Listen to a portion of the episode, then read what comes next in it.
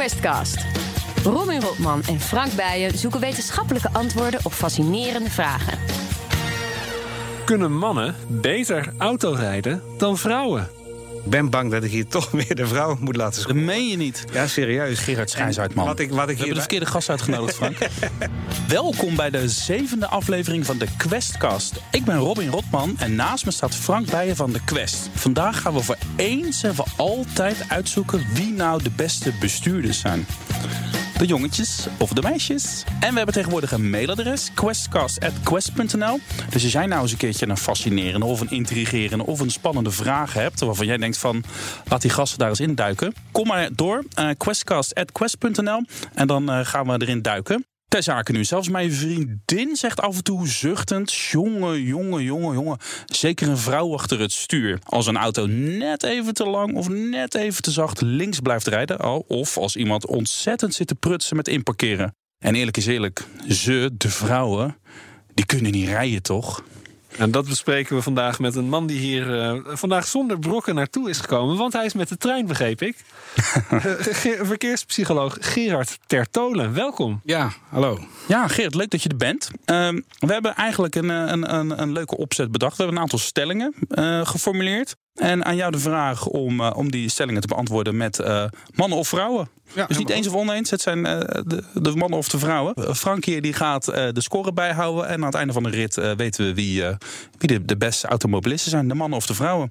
Frank, heb je al een idee? Heb je al een gevoel bij deze, bij deze kwestie? Deze netelige kwestie? Wat ik weet uit heel veel psychologisch onderzoek is dat mannen vaak toch een beetje ja, zichzelf overschatten, lomp zijn, eh, wat irritanter kunnen zijn tegen anderen misschien dan vrouwen. Ik denk dat dat nog wel eens een rol zou kunnen spelen. Ga je van gelijk spel of niet?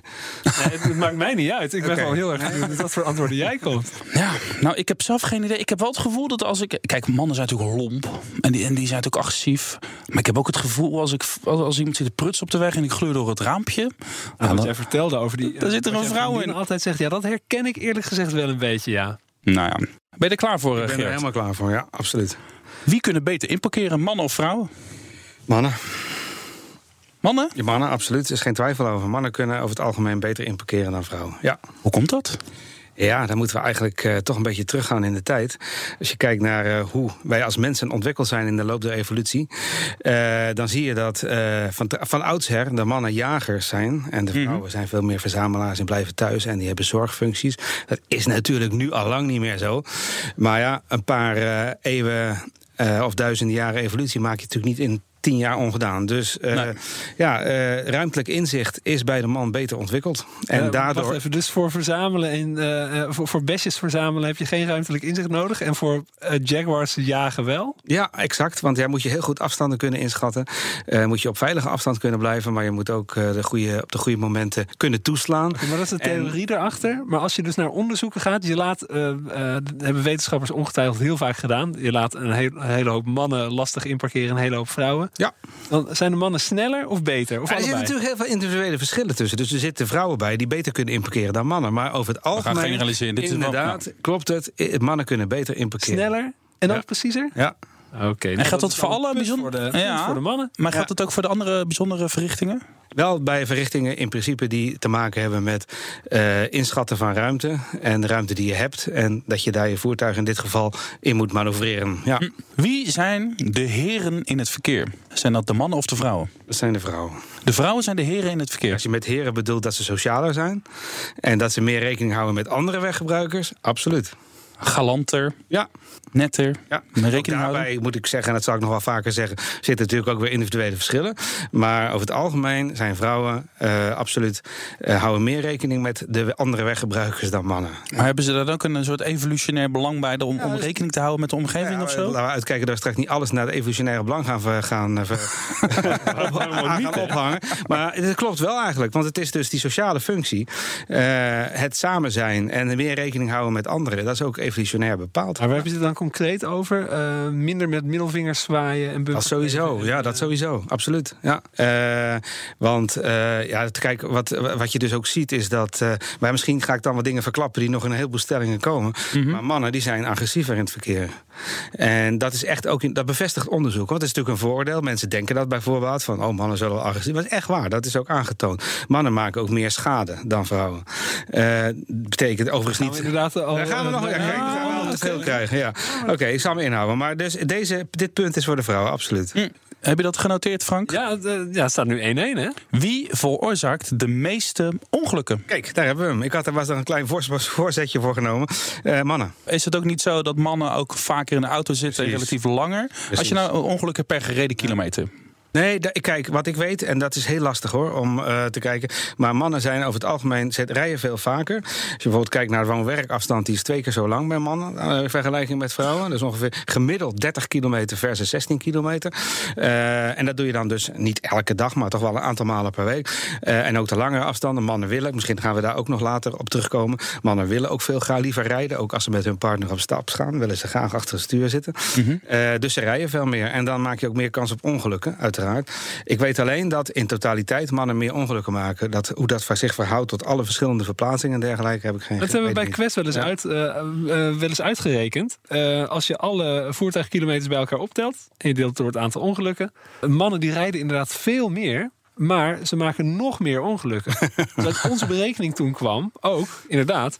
Ja, vrouwen doen het beter. Die maken gewoon minder brokken dan mannen. Ja, en de ongelukken zijn ook nog eens een keer ernstiger, dat weet ik wel. Nou, punt voor de vrouwen. Ja, weer. Stel, je rijdt op de snelweg met 50 km per uur langs een sloot. Ja. En er steekt een eend over. Met acht hele lieve, pluizige, kleine kuikentjes eromheen. Ja, ik zie het helemaal voor. Um, wie maakt de beste keus? Als je daar gewoon te hard op af komt rijden en je kan misschien ontwijken, misschien ook niet. Misschien zijn er ook nog kleine kinderen en bejaarde omaatjes die er ook nog lopen. Wie maakt de beste keus? Op een onverwachte situatie. Juist.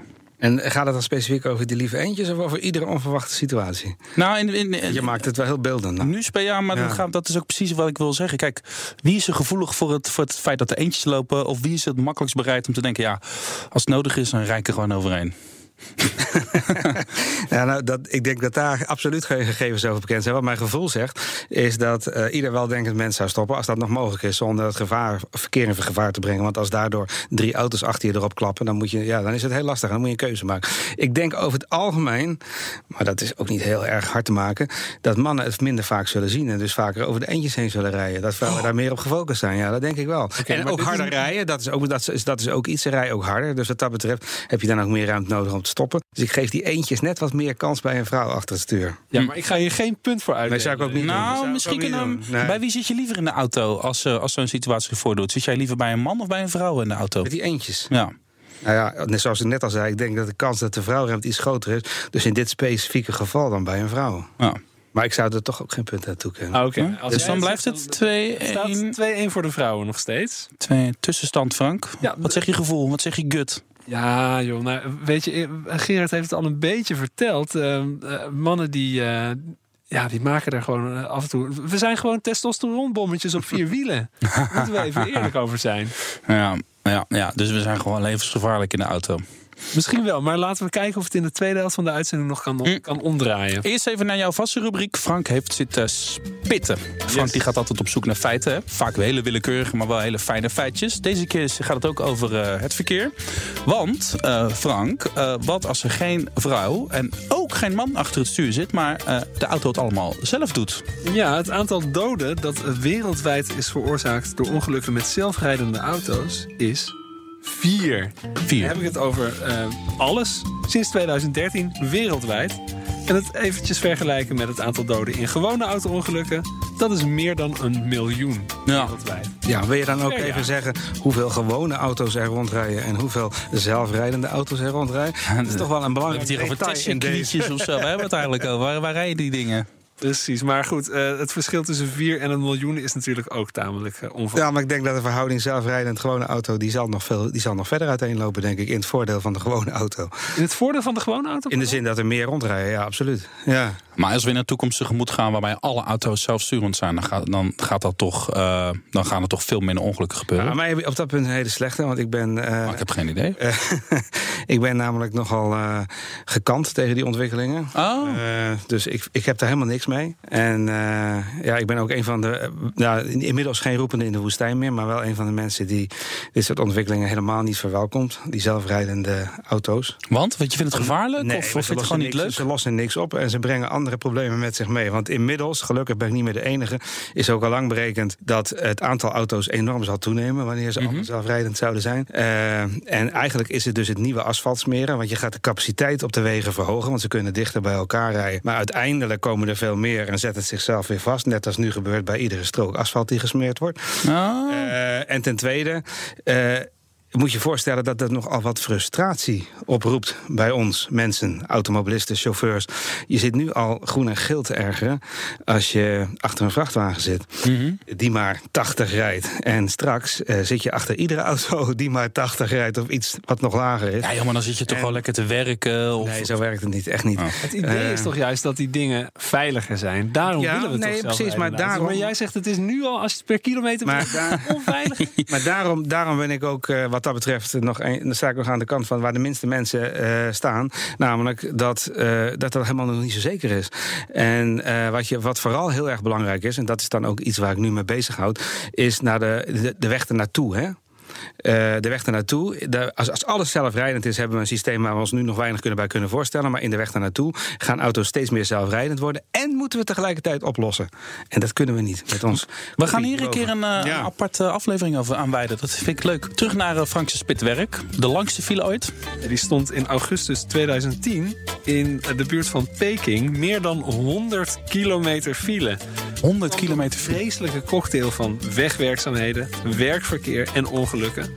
En sommige chauffeurs stonden vijf dagen en nachten achter elkaar.